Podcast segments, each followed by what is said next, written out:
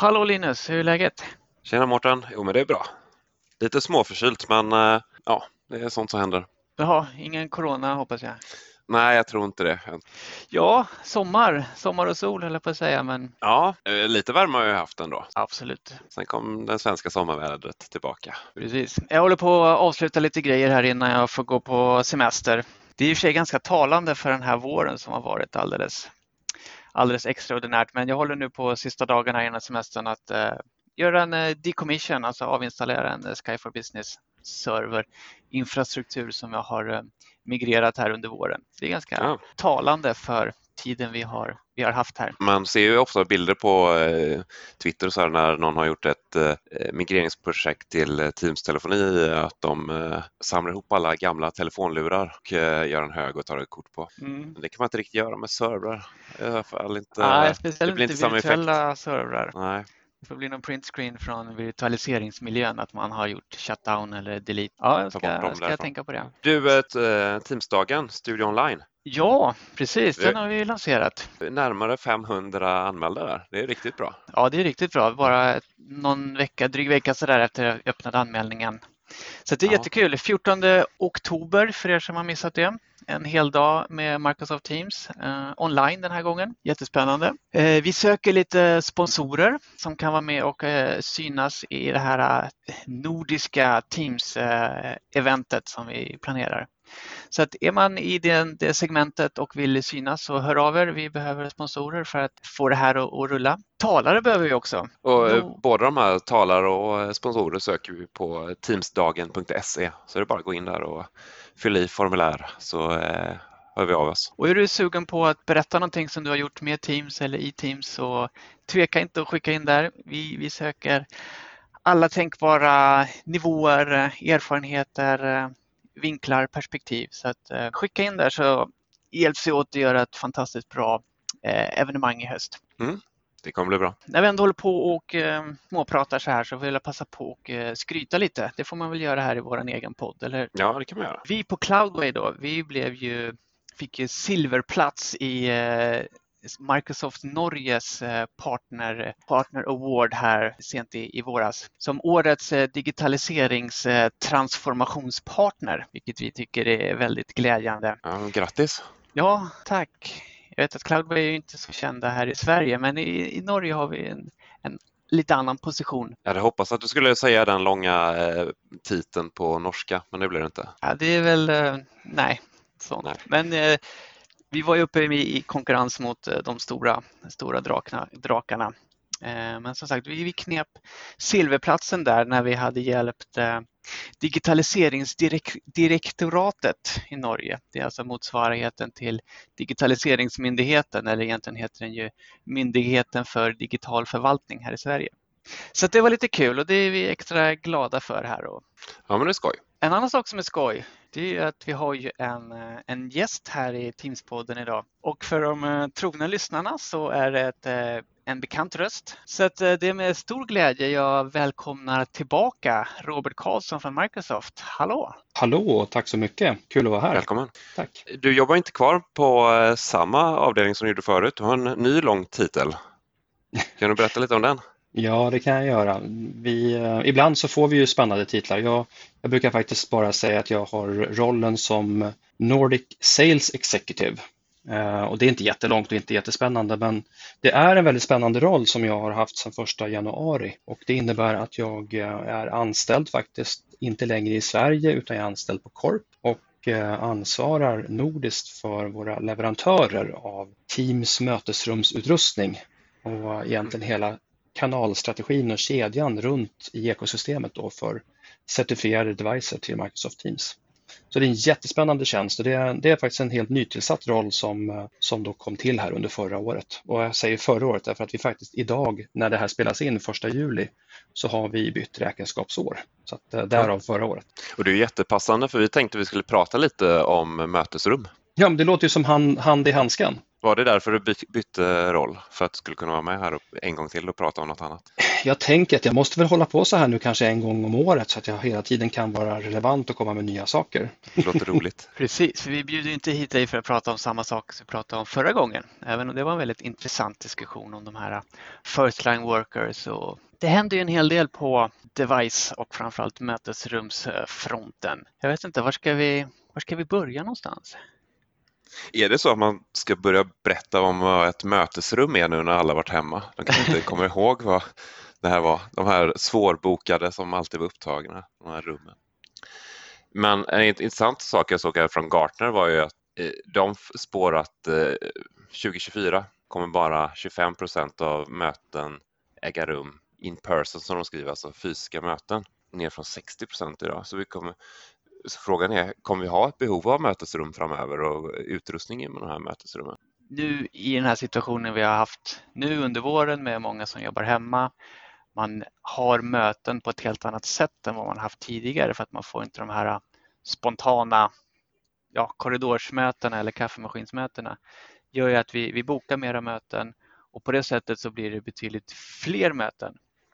Så att det som var 60 in person möten förut som nu enligt då Gartner ska gå ner till 25 procent är kanske egentligen lika många i, i numerärt men från en mycket större del där vi har många fler möten.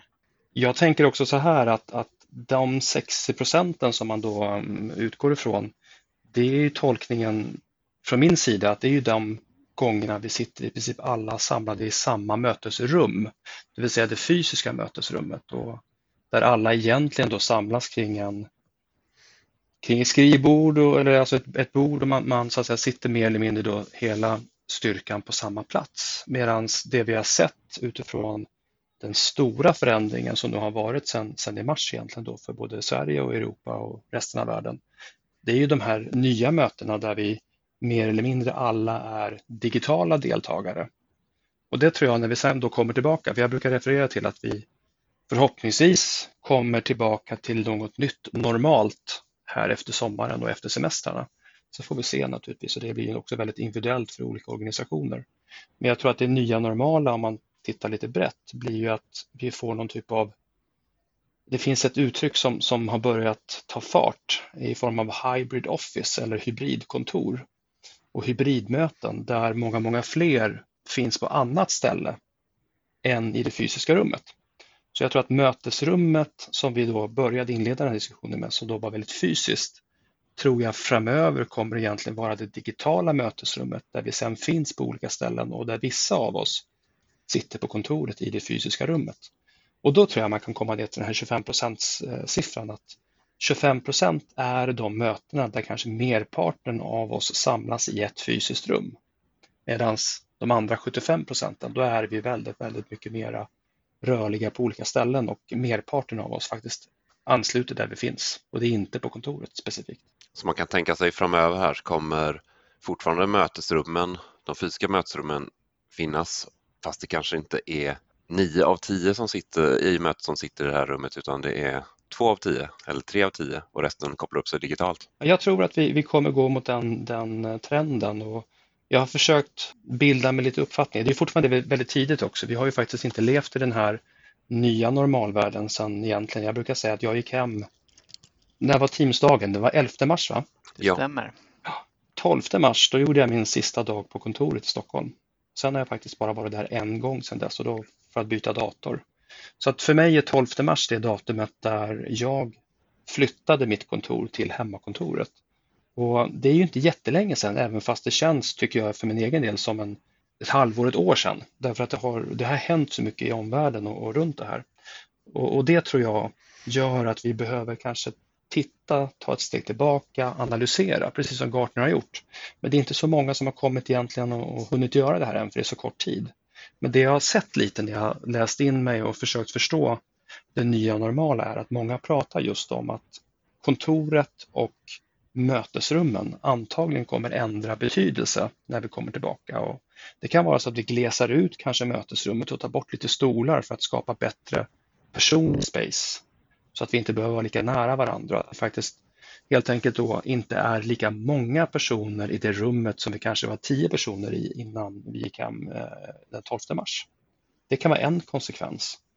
Eller att vi faktiskt utrustar flera rum som då inte var mötesrum på samma sätt utan kanske mer de här fokusrummen eller de här små rummen där vi gick in och tog en, en kort fikadiskussion fast vi kanske gjorde det så att säga för att vi ville vara lite privata. Där kanske vi istället har behovet nu att videoenabla dem så att vi kan ha våra möten tillsammans med alla andra som det inte finns på kontoret men att vi inte behöver ta upp det här stora mötesrummet för att vi är färre som har behovet att vara på kontoret. Allt det där tror jag vi kommer se mycket nya analyser och, och rapporter kring här efter sommaren. Ja, för nu har vi ju på något sätt ofrivilligt jobbat upp ett nytt arbetssätt där vi inte har tillgång till kontoren och sånt där. Och även om alla aspekter av det inte är eh, toppenbra eller något som vi faktiskt kan fortsätta använda i all evighet så är det ju mycket av det, många saker som är väldigt bra i form av att man kan, man kan ha möten lite när som helst och hur som helst och man behöver inte fysiskt vara kopplad till ett rum. Så att mycket av det där vill man ju ta med sig in i det här nya normala då som blir kanske efter sommaren eller kanske senare. Eh, så att man hittar den här, eh, man tar med sig det bästa från de båda världarna. Och eh, som du sa Robert, jag tror att det kommer bli mycket det som kommer forma det nya normala som vi kommer se här framöver. Ska vi kolla lite på, vi har lite olika typer av rum där. Jag vet att ni på Microsoft har, ni har satt upp lite olika rumstyper för att göra det enkelt när man väljer utrustning. Mm, ja, det stämmer. Vi, vi försöker hitta ett gemensamt sätt att prata kring rum och storlekar och även vad vi gör i våra rum. Så att vi även har tagit fram ett par olika definitioner på hur rummen kan användas. Och um, det är faktiskt så att vi har definierat sju stycken rumstorlekar och det kan låta mycket men när man tänker på det så, så har många kunder och organisationer ett gäng olika typer av ytor. Dels de formella rummen, det vill säga small, medium och large konferensrum. Det är de traditionella som man, som man kanske tänker på först. Men um, tittar vi och börjar egentligen från, från eh, början då, så det första vi kallar för, för ett mötesrum för, för att då kunna köra Teams-möten i på ett bra sätt, så det är Large Office. Och det är kanske inte så vanligt längre i den här eran av öppna arbetsytor och öppna kontor. Men många gånger så har vi ju framförallt då um, chefsroller, chefspositioner som fortfarande har ett rum där man kan stänga dörren om.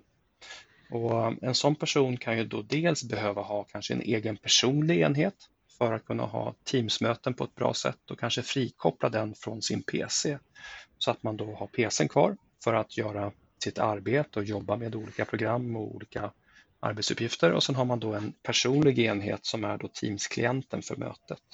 Till exempel en, en eh, fast telefon och då kanske ni undrar fasta telefoner, vad är det för någonting? Det har vi inte haft sedan 80-talet i Sverige det kan så vara på den nordiska marknaden. Vi har varit väldigt mobila. Men faktum är att vi ser att fasta telefoner i form av olika formfaktorer, olika funktioner som till exempel video påslaget på en fast telefon och så vidare, är på väg och ökar på den nordiska marknaden. Så det är den här personliga enheten som man har. Sen har man ju också då i ett sådant rum oftast en öppen yta med kanske ett antal stolar och ett bord där man kan träffas sina medarbetare, ta in dem, ha ett möte och där kan det också finnas en skärm för att kunna presentera saker på. Och den ytan, det är också en yta som vi tror kommer att bli Teams-enablad i den här nya normala där man ser att ett stort kontor, ett large office, har kanske två olika kategorier av utrustning. Dels den personliga som sagt, men också den där man vill då sitta ner tillsammans med medarbetare och kanske koppla upp ett Teams-möte med någon annan eller ett antal andra och göra det gemensamt. Så det är en typ av, av rum som jag tror vi kommer se mer av. Ja, den, den har jag faktiskt stött på några gånger på, i Skype-världen att man vill ha. Så det antar jag kommer fortsätta även i Teams-världen. Ja. Sen, sen äh, ser vi fokusrummen som jag var inne på förut och, och fokusrummet för mig och för oss när vi definierar, det är ju någon typ av rum som kanske kan maximalt och det här kanske innan eh, corona och hur vi definierar vår personliga yta, men när vi tittar på det här då i våras så pratade vi om tre till fem personer i ett rum, kanske mer då tre än fem och någonstans storleken två gånger två, tre gånger tre meter där man går in där man kanske egentligen vill sitta själv många gånger i ett fokusrum för att eh, man har behov att kunna komma undan och ta ett telefonsamtal eller ta ett möte. Och där tror jag att det vi har sett nu i form av hemarbetsplatsen, där vi ser att man har fått faktiskt flytta sitt samarbete väldigt mycket digitalt. Så att istället för det här fika kaffeautomatssnacket eller där vi så att säga har setts i korridoren så vill vi kunna ha samma typ av, av möten fast nu har vi haft dem digitalt. Och då tror jag att där fokusrummet blir ett sån, en sån yta där vi har behov av att kunna ta ett Teams-möte på ett bra sätt och där vi kan ha en videolösning så att jag ser det när jag pratar med.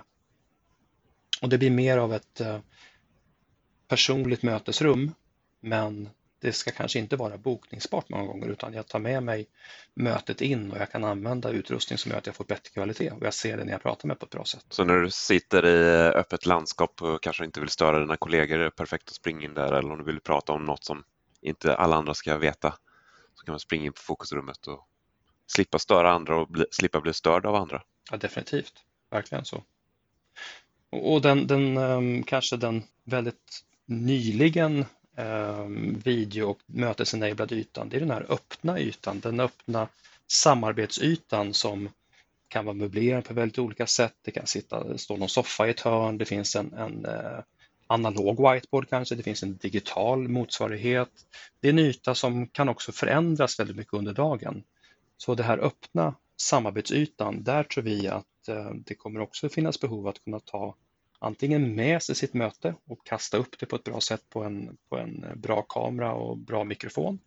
Alternativt att man har bokat en yta, man kanske har bokat en Surface Hub som mitt mötes, min mötesenhet. Och den finns där och så rullar vi in den där vi kände att nu vill vi sitta på den här delen och så använder vi den då för att vara kreativa och ha en digital digital diskussion med kollegor som kanske inte är på samma ställe. Så att um, tittar vi på de ytorna som då är kanske inte traditionella, så large office, fokusrum och öppen samarbetsyta eller open collaboration space. Och som sagt, sen har vi de traditionella små, medium och, och stora mötesrummen. Och sen ska vi inte glömma bort det som är på andra ändan på skalan. Då pratar vi om den här ytan som kanske används mera som Eh, extra yta. Jag vet på kontoret som vi har i Stockholm så har vi två sådana faktiskt rum som är helt, ja, vi kan möblera dem egentligen som vi vill ha dem beroende på vad vi ska ha för typ av möte där. Vi kan antingen dela in dem i två mötesytor eller så kan vi öppna upp och ha ett stort möte för, för väldigt många personer. Vi kan också öppna upp bakåt och då öppna upp en ännu större yta. Och den här väldigt så eh, flexibla mötesytan behöver också ha bra stöd för teknik och bra stöd för att kunna köra både video på ett bra sätt så att alla ser oavsett om jag sitter nära eller långt bak och att vi har en bra kamera som kan panorera och så vidare. Så att det är också en sån yta som vi ser kommer att bli Teams-enablad i det nya normala för att kunna ha stora möten men också se till att alla som är på distans får en bra upplevelse med de som inte då kan vara med i mötesrummet. Så därför så har vi definierat sju olika ytor. De här sista rummen du var inne på, eller ytorna, jag har varit inblandad i några sådana projekt nu nyligen där man har kört till exempel Teams Live-event för stora Town Hall-möten. Men sen ser man liksom nästa steg på det här blir att återigen komma in i det här hybridläget. Man vill ha både folk på plats och folk eh, med sig remote. Och då just för att göra de här större mötena så, så finns det lite utmaningar att, att få den, den upplevelsen att gå ihop. Men eh, det, det är jättespännande för där finns det väldigt mycket att göra mm, med eh, Teams-certifierade hårdvara men man kan också kika på andra mera professionella videoutrustningar som man kan koppla in på ett, på ett supporterat sätt in i Teams-möten och framförallt att få in det i, i live-events. Det är jättespännande. Om man vill hänga med lite här medan vi pratar så kan jag rekommendera en länk som heter aka.ms Teams Devices. Där är ju liksom samlingssidan för alla certifierade enheter som, som ingår i det här certifieringsprogrammet som Microsoft har. Och där finns det också en, eh, man kan klicka på Shop by Space eh, där man då kan gå in och se de här olika mötesrummen Eh, beskrivna och så kan man gå in och klicka och se vilka enheter som passar i respektive rum. Så att om ni sitter framför datorn och lyssnar så kan ni gå in och kika där samtidigt så är det lite lättare att hänga med. Får jag också lägga till en, en, tycker jag, en väldigt intressant vinkel på det här. Mm. Så att om vi nu har pratat om att det finns sju kategorier av, av rum och ytor så har vi också framförallt vad vi vill göra i de här ytorna och, och rummen. Hur vill vi köra ett möte? Vad är det som är viktigt för det här mötet? Så vi också, när vi bygger våra matris för att hjälpa kunderna att, att hitta egentligen sina produkter och sina rekommendationer, så pratar vi också om vad för någonting ska vi göra i det här rummet? Och det kan ju vara samma saker många gånger, men vi har också definierat det som två olika huvudspår. Där den ena är meet and present. Och då, det är ju lite som det, som det låter egentligen. Vi, vi har ett traditionellt möte nu säger jag traditionellt utifrån att vi kanske har många gånger suttit i ett mötesrum. Eh, vi har behov av att visa någonting för våra kollegor eller kunder och då har vi tagit upp en PowerPoint och så har vi visat den på skärmen. Så Meet and Present för mig det är ju att vi nu gör det här digitalt så att alla oavsett plats får samma upplevelse. Men det är framför allt diskussionen kring en presentation. Det är framför allt den delen som är viktigt och det mötesrummet oftast är mer statiskt. Så att där flyttar vi oss inte speciellt mycket utan vi har satt oss på vår plats och vi, vi har kameran som är fixerad på de som sitter där och så vidare. Så Meet and Present är en kategori av mötesrum eller arbete i mötesrum. Och sen har vi då definierat eh, den andra varianten som vi kallar för Meet and Co-Create. Och det är ju för att vi verkligen också ser att nu när vi blir utspridda i ett hybridläge så måste vi fortfarande känna möjligheten till att alla ska ha samma samma helt enkelt möjlighet att, att påverka innehållet, att, att, ta del av, men också att kreera saker tillsammans oavsett om jag finns i mötesrummet eller om jag är på distans. Och jag brukar säga att det klassiska exemplet på hur man tappar en, en publik då, eller en deltagare i ett möte, det är ju när vi sitter här i våra traditionella mötesrum där vi är merparten av personerna. Det här var då innan kanske mars månad, så att vi har kanske 70-80 procent av alla deltagare sitter i mötesrummet. Någon i mötet då få lite feeling och ska gå upp på den här whiteboarden. Och whiteboarden, oftast då den analoga, har ju varit placerad på en yta, kanske på en angränsande vägg i mötesrummet som inte kameran då har fokus på. Och det man då gör på mötes eller på whiteboarden är att man skapar och man, man är aktiv, flera bidrar, men man har tappat alla som är med digitalt. Därför att de ser inte vad som händer. De hör kanske inte heller därför att den som står vid whiteboarden och gör saker har ju då gått både ur bild och antagligen också ur mikrofonens räckvidd. Så det är det klassiska exemplet då på att tappa bort sin publik av de som inte är med i samma rum. Så att meet and co-create för mig, det är väldigt mycket att vara inkluderande och se till att alla får en likvärdig upplevelse. Och då kan ju en sån sak vara det som vi kallar för vi har kallat det för, för Magic Whiteboard, lite så här roligt och det är ju när vi sätter en kamera som riktar sig mot den analoga whiteboarden. Och sen så använder vi då teknologi för att ta in det innehållet och projicera det för alla deltagare i, mötes, i mötet. Den är ju verkligen magisk. Ja, men visst är den häftig? Ja, man går, man går framför och man blir så halvt genomskinlig så att mm. fortfarande ska synas det som är där. Så att, ja, men den är häftig och användbar. Ja, dels, dels den då, det är ju att göra det analoga innehållet digitalt, men också att vi börjar se hur vi i de här co-create-scenarierna antingen kanske tänker oss att det är en Surface Hub som är vår mötesrumsenhet. Det vill säga det finns ju kamera och det finns mikrofoner kopplat till Surface Hubben. Vi har en Teams-klient, vi kan använda den på samma sätt. Eller att vi har det i ett kombinationsläge så att vi har ett fullskaligt Teams-rumssystem med konsol på bordet med en stor mikrofon som tar in, eller en bra mikrofon som tar in väldigt mycket och en, en annan sorts kamera och så vidare. Men vi har vår Surface Hub med i ett companion mode. Så att när jag klickar på starta mötet på konsolen på bordet så drar jag också in Surface Hubben i det här mötet så att det blir samma möte men två olika enheter som deltar i samma möte. Så det här tror jag vi kommer se väldigt många fler användningsområden där vi också gör whiteboard-upplevelsen eller vi jobbar med dokument eller vi jobbar med andra typer av, av content på ett bra sätt för alla deltagare oavsett om jag är fysiskt med eller digitalt med. Nu har vi kommit in lite på olika typer av enheter och sådär och ska vi prata lite om vad det finns för olika kategorier av enheter.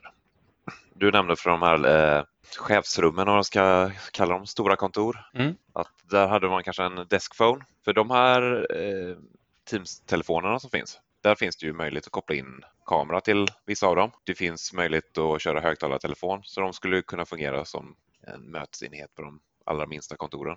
Definitivt. Och sen har ni även en kategori som heter speakerphones, den här högtalartelefonen. Spiderphones kallas de eh, utomrikes.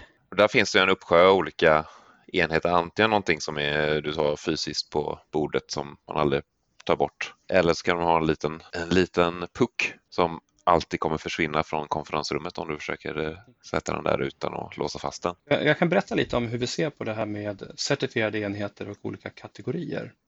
Det, det, är, en, det är ett stort ekosystem och det är ett ständigt växande ekosystem dessutom. Um, och, och vi brukar dela in det i personliga enheter och i delade enheter. Och i de personliga kan man ju alltifrån se att den klienten jag har i min mobil, eller den jag har på min PC, det är ju en del av Teams-upplevelsen. Det är ju Teams-klienten fast då i mjukvaruform. Vi har våra personliga ljud och videoenheter i form av framförallt då headset eller högtalarpuckar som du var inne på, att, som då har en tendens att försvinna om vi använder dem i ett mera grupp eller delat beteende. Men jag kan lika gärna ha en sån kanske som om jag har en säljroll till exempel och, och när jag då har möjlighet att resa runt till mina kunder och ha möten så skulle jag kunna ha en sån högtalarpuck då som jag tar med och tar upp på bordet där och sen så får vi då en bra Teams-upplevelse i och med att den då är certifierad och använder sig av rätt drivrutiner och så vidare oavsett om det är på mitt hemmakontor eller någon annanstans. Eh, och sen har vi den här kategorin då med eh, telefoner, fasta telefoner och, och den är ju väldigt spännande tycker jag därför att den har ju vuxit sista året och går man tillbaka några år så var en fast telefon, det var någonting som vi dels såg som kanske en, en utdöende terminaltyp, det vill säga den hade sett ganska likadan ut i många, många år. Um, intresset för att använda den var väldigt lågt i Norden, även om vissa kunder och vissa kanske kategorier av kunder har, har verkligen använt de här under alla år. Jag tänker som dels gemensamma telefoner i olika utrymmen som man då har som någon slags hotline-funktion eller vad det nu kan vara för någonting. Men också Eh, i vissa lägen så har de också funnits på säg universitet och högskolor har väldigt många gånger använt sig av fasta telefoner eller i tillverkande industri. Så det finns fortfarande eh, användarområden för dem. Det vi har sett senaste året är att vi har fått till en ganska stor eh, ny tillverkning av, av kategorin fasta telefoner. Så dels nya formfaktorer.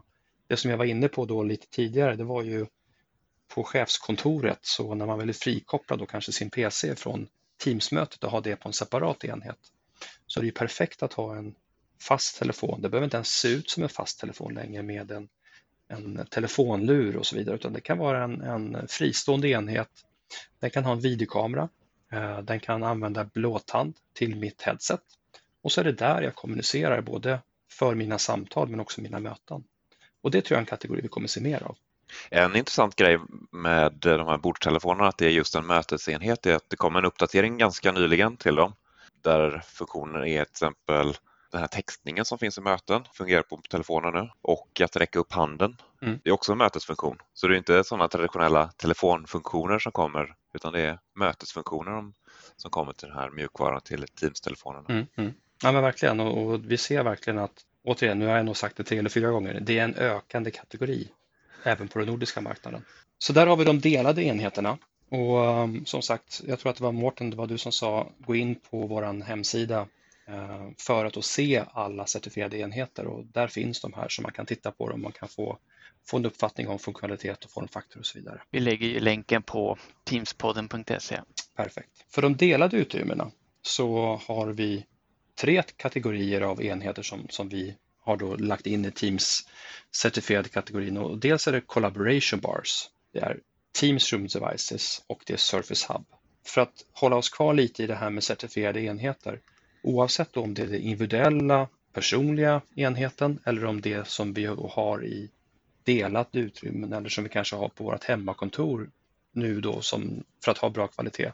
Så alla devices som vi har Teams-certifierat har en kvalitetsstämpel det är leverantörer som Microsoft jobbar väldigt nära. Vi har gett en specifikation för ljud och bild och för funktionalitet som, som måste då följas och måste bli accepterad och acceptanstestad.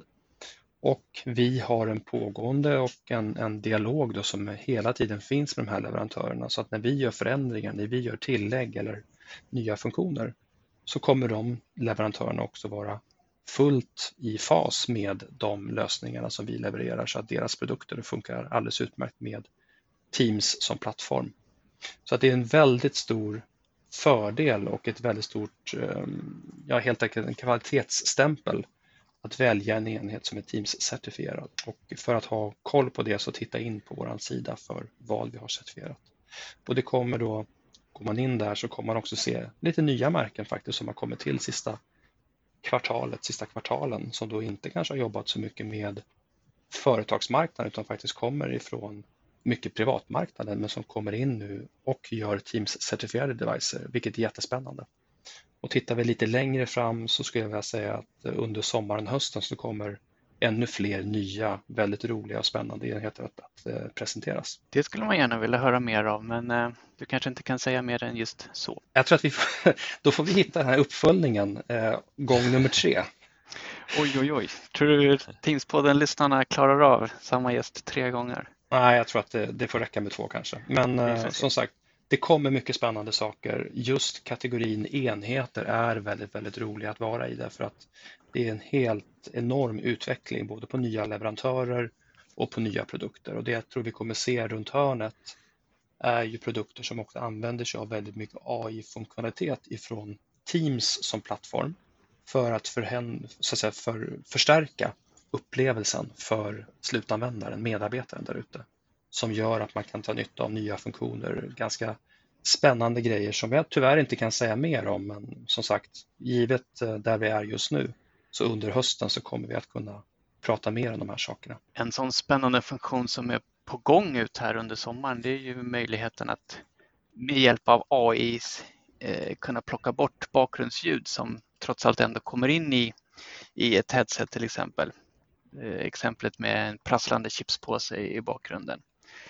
Det är ju satt i roadmappen att det ska rulla ut här under juli. Så det är väl en, en del i den, den resan. Men eh, spännande att höra att det är eh, fler saker på gång. Så ska vi prata lite mer om då systemen för mötesrummen? Jag tycker vi börjar med Collaboration Bar, för det är väl det senaste? Ja, stämmer. Vi presenterade Collaboration Bar på Ignite-konferensen i november förra året. Då var mm, egentligen första gången som vi pratade publikt om det och eh, vi presenterade Collaboration Bar med två leverantörer. Då. Det var J-Link och det var Polly. Och um, kategorin i sig är ju en kategori utifrån det mindre mötesrummet. Det är lite så mera allt i ett-tänket, att det ska vara mera plug and play funktionalitet. Men det ska fortfarande vara en funktion, en enhet som är administrerbar och hanterbar ifrån ett Teams admin-perspektiv. Så att om jag nu har en strategi som organisation att jag vill ha Teams-certifierade devices och de ska vara managerbara så är Collaboration Bar ett jättebra alternativ för de mindre mötesrummen eller för den delen för hemmakontoren. För där har vi verkligen sett en explosion av behov för bättre grejer än vad man kanske hade innan mars månad. Och det tror jag man alla har upplevt om man har försökt få tag på en webbkamera eller ett headset här under våren. Det har ju varit i princip slut hos alla leverantörer under ett antal månader för att trycket har varit så stort. Så Collaboration Bar som, som enhet är en ljud och bildprodukt där man har byggt in egentligen allting i en enhet. Det finns lite varianter på det ska sägas. Men syftet är att ge någonting som man kan sätta ovanför eller under en skärm i ett mötesrum. Och produkten är designad så att när jag kommer in i mötesrummet så ska då skärmen tändas upp. Med fördel ska det vara en touchskärm det är inte ett krav för det går att lösa på annat sätt men det är ett smidigt sätt att, att använda sig av produkten med hjälp av en touchskärm. Så jag kommer in i mötesrummet, den tänds upp, jag har mitt möte bokat. Så jag går fram till skärmen och så trycker jag på anslut eller på join och då startas allting upp. Så att för slutanvändaren, för medarbetaren där ute så ska det vara så enkelt som det bara går. Det ska vara lätt att komma igång. Det ska vara lätt att dela med sig av content med hjälp av Teams-klienten då som man har på sin mobil eller på sin PC. Så att det inte finns en massa sladdar och grejer som man då kan antingen rycka ur och sakna alternativt inte riktigt få koll på. Så att vi har skapat verkligen en, en användarupplevelse som ska vara så smidig och enkel som möjligt. Och när du säger touchskärm där, det är ju den skärmen du tittar på som bör vara touchskärm för då får du whiteboard-funktionalitet också. Mm, stämmer. Det är lite snyggt. Sen kan man ha, jag vet inte om båda har det, men eh, en av de här leverantörerna har ju en liten touchskärm som du har på skrivbordet bredvid och styr mötet med. Stämmer. Uh, J-Links modell den har en eh, fjärrkontroll så att man kan styra möten och funktioner från fjärrkontrollen om man inte har en touchskärm. Och Pollys produkter har också en möjlighet till att ansluta en touchskärm på bordet så att jag kan få motsvarande funktionalitet egentligen som, som ett större Teams-mötesrum med touchskärm. Så att jag går in, jag använder mig av den som min konsol för att göra saker. Det är inte samma gränssnitt, det är inte samma, samma sorts programvara, men det ger ett liknande upplägg. Rent tekniskt är det ju Android som snurrar på de här enheterna, mm. vilket också gör att man kan hantera dem i Intune lite motsvarande en, en mobiltelefon eller en, en padda. Liksom.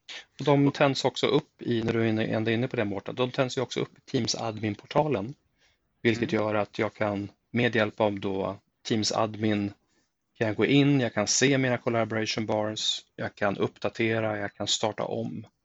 Vilket gör att de också då på ett enkelt sätt, även fast jag inte är speciellt kunnig kanske då i alla aspekter av att vara administratör i Microsoft 365, så kan jag hantera det med de Teams admin-inställningar som jag kan ha tillgång till. Och sen är det ju maxupplösning 720p och bara stöd för en skärm så att man kan inte direkt jämföra dem med de större MTR, alltså Microsoft Teams Room-systemen. Stämmer, det finns naturligtvis en, en uh, olika funktionaliteter och lite olika användningsområden för dem. Vad bra att du nämnde det Mårten. Ska vi hoppa mm. in på dem då? Microsoft Teams Room ja, System. MTR. Ja. Skype Room System var en del som började köra och sen så döptes de om till Microsoft Teams Room. Och de här gamla Skype Room-systemen, det var väl Logitech som var först ut med dem där det var en eh, docka som man satt i en Surface som blev överhettad. Så de fungerade inte jättebra i början. Men eh, nu har det kommit mycket fler varianter. Logitech har kommit med en ny och det är många leverantörer som är inne på det här, det här segmentet.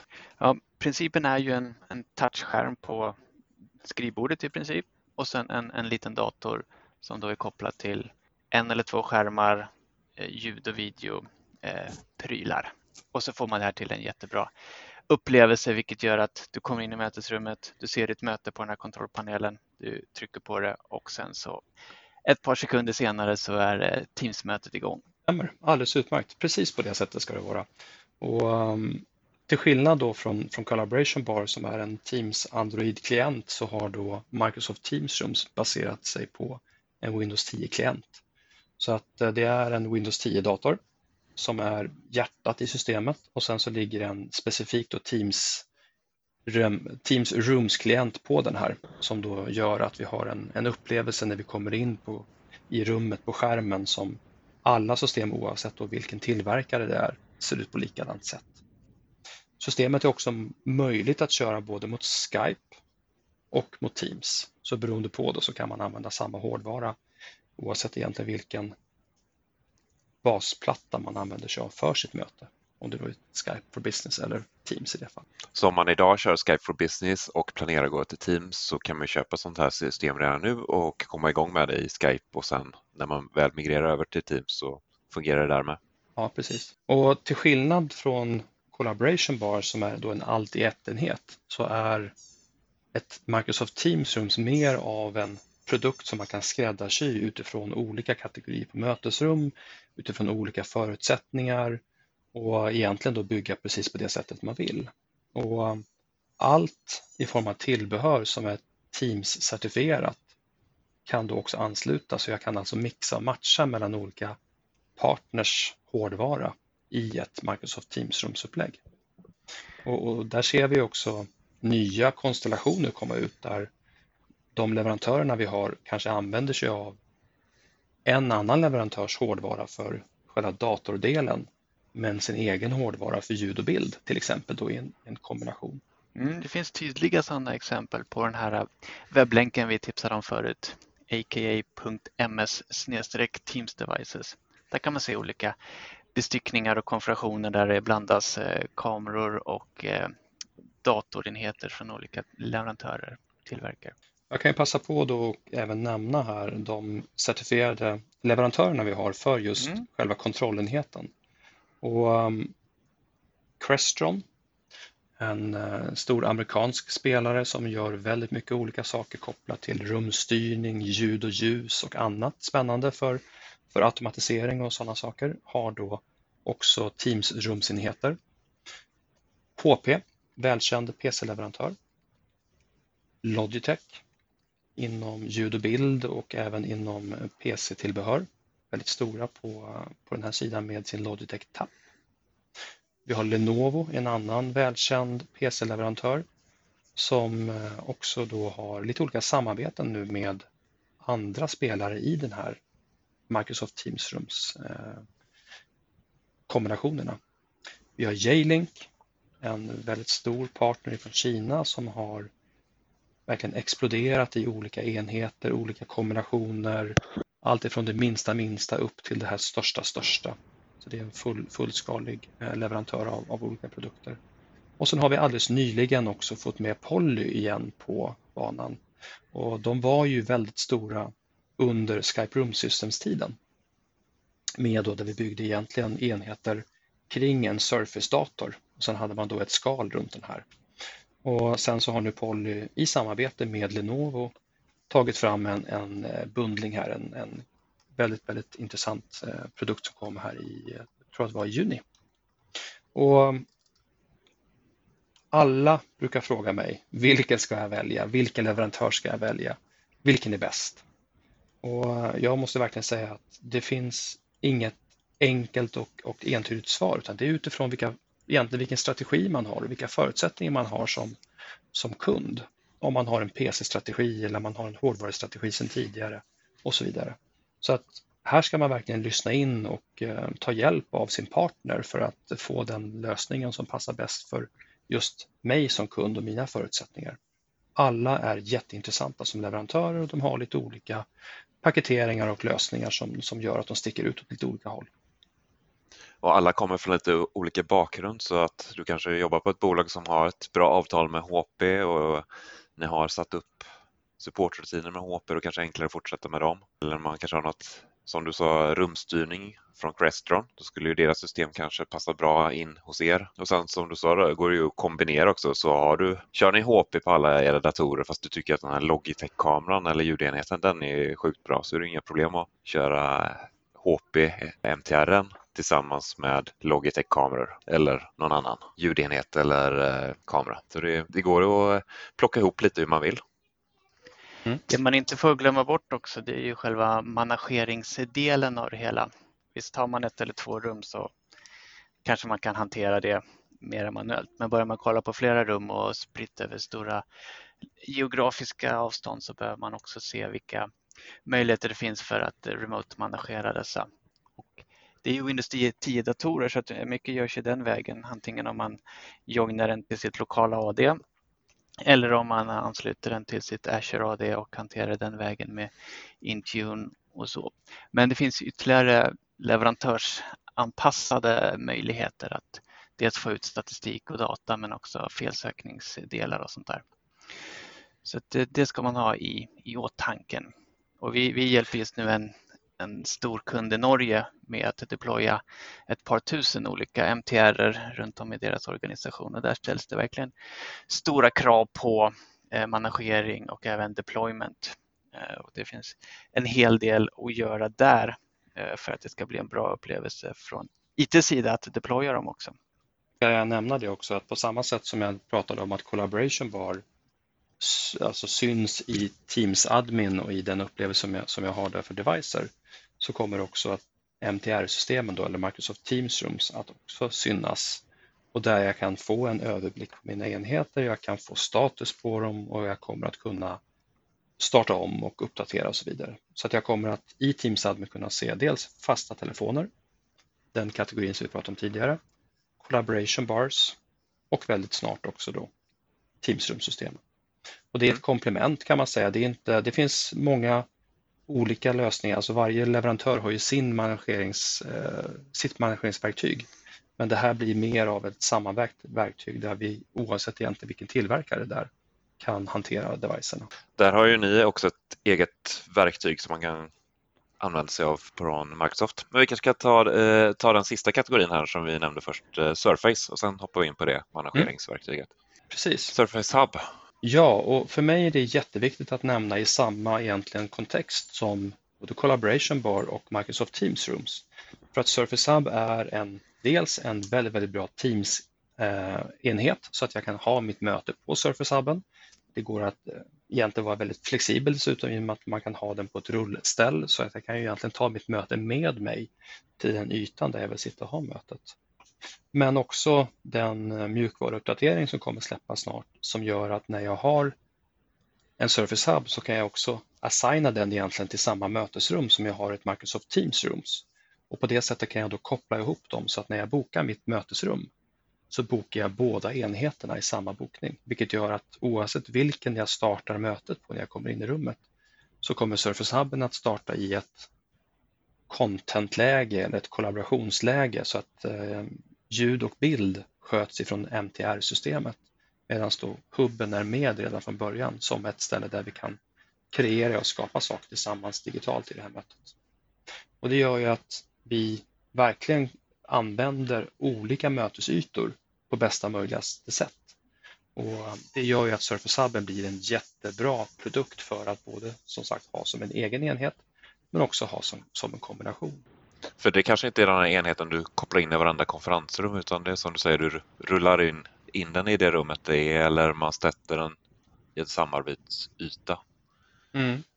Och jag tror verkligen att, att, när vi tittar på mötesrum nu så ser vi att det finns en mycket större möjlighet för oss att skräddarsy just olika rum för olika behov.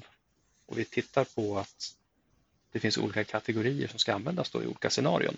Och då tror jag att man kan hitta verkligen den som passar bäst för just det här rummet, men också framförallt vad vi ska göra i det här mötesrummet, vad vi tror är det primära sättet att arbeta. Och då tror jag att det finns behov av allt ifrån collaboration bar till Teams-mötesrum eller Surface Hub, olika kombinationer av dessa. Och det här är någonting som, som jag tror man ska bygga en organisationsspecifik matris av. Så att när jag, företaget X, tittar på hur vi ska tänka oss mötesrum i framtiden så har vi definierat det på ett liknande sätt som jag började prata om med de olika mötesrummen och olika ytorna. Och sen så mappar man in då typkonfigurationer att för den här typen så ser vi den här kanske leverantören, de här produkterna eller den här typen av utrustning beroende på hur specifik man är. Men så att det också blir lätt att jobba kontinuerligt sen med sina rum och sin, sin utrullning och sin då expansion, vilket jag hoppas eh, vi ser framöver. Sen finns det faktiskt möjlighet att köra lite whiteboard på de här MTR-systemen också. Det nämnde vi aldrig. Men om du kopplar in en touchskärm till de här så har man ju möjlighet att vara med i, ett, i en whiteboard-session. Mm, stämmer. Och den, och den upplevelsen är också någonting vi jobbar mycket på att, att uh, ta ännu längre och ännu bättre framöver. Så att uh, som det är idag så kan jag ansluta till en whiteboard-session som är uppstartad och jag kan då använda den touchskärmen som vi har i i det här specifika mötesrummet då, eh, för ett MTR-system. Och här tror jag vi kommer se ännu flera utvecklingar kring whiteboard-upplevelsen på olika devicer och olika, olika sätt att ansluta sig till. Ska vi knyta ihop den här mötesrumssäcken med att avsluta med lite hur man hanterar de här mötesrummen? Vad tror ni om det? Det låter bra. Så Microsoft har ju en, en tjänst som kan hjälpa till med att eh, hantera och övervaka våra mötesrum. Mm. Vi har en tjänst som vi på samma sätt som när vi pratade om, manage, eller när vi pratade om collaboration bar här på Ignite förra året så börjar vi också prata om managed meeting rooms. Det är en managerad tjänst, precis som det låter, av Teams-mötesrum där Microsoft har personal som övervakar kundens rum, som kan ge information om att någonting är urkopplat eller någonting har gått snett i det här rummet. Men också kan arbeta proaktivt eh, genom att eh, arbeta tillsammans med kunden för att uppdatera saker eller, eller starta om och så vidare. Så det är egentligen en, en komplett tjänst som kunden kan ansluta så många rum som man vill till, till den här tjänsten. Kunden kan också arbeta med felsökning och felhantering via Managed Meeting Room. Tjänsten kommer att vara avropningsbar eller köpbar via vår prislista helt enkelt som, som en tjänst som man kan avropa på så många system man har behov av. Det finns också en trial där jag kan ansluta ett antal system och prova tjänsten för att få en uppfattning. Det ska sägas att mycket av de här sakerna är ju också samma funktioner som jag berättade alldeles nyss om som kommer att tändas upp i Teams admin-portalen.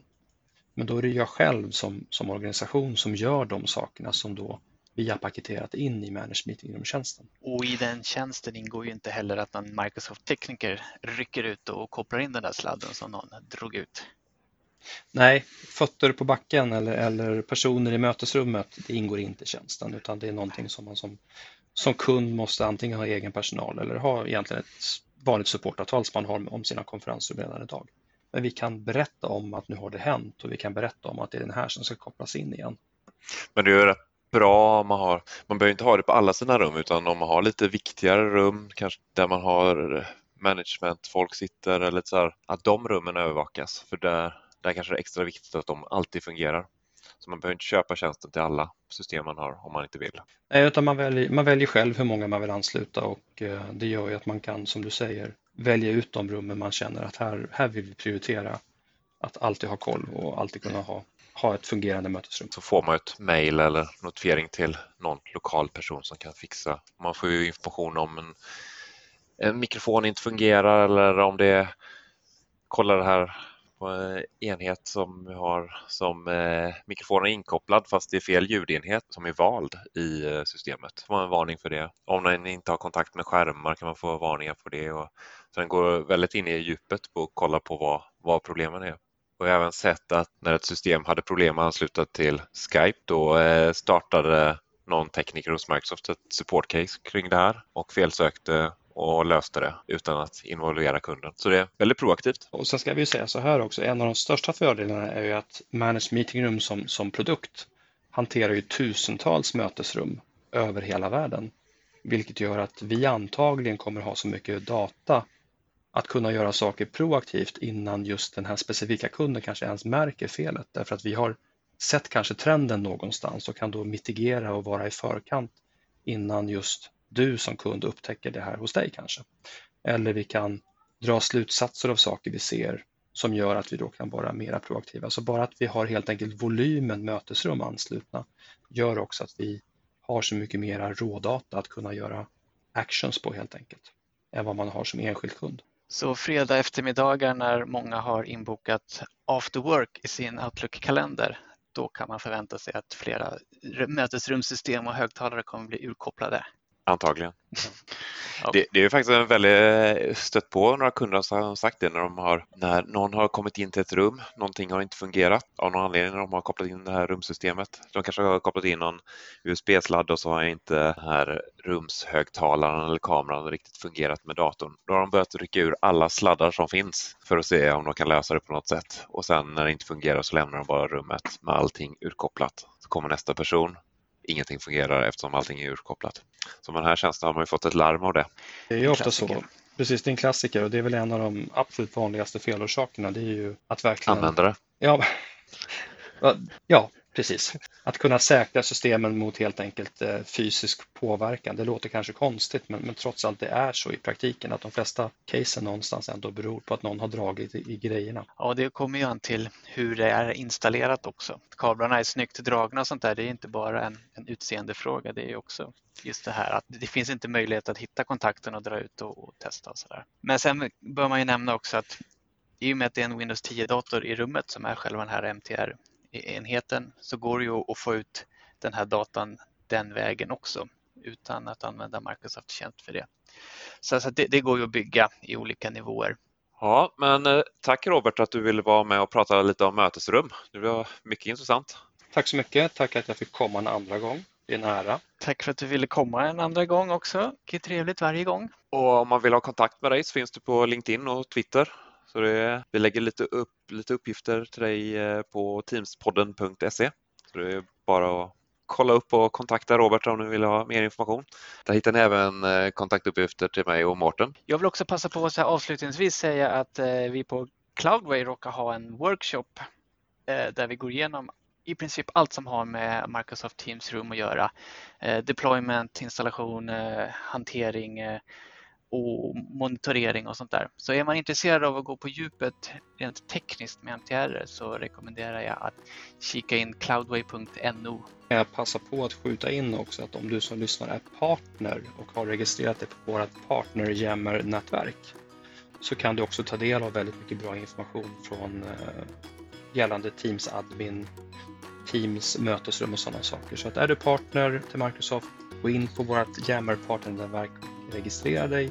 Där finns väldigt mycket bra information kring Teams mötesrum och annat. Suveränt!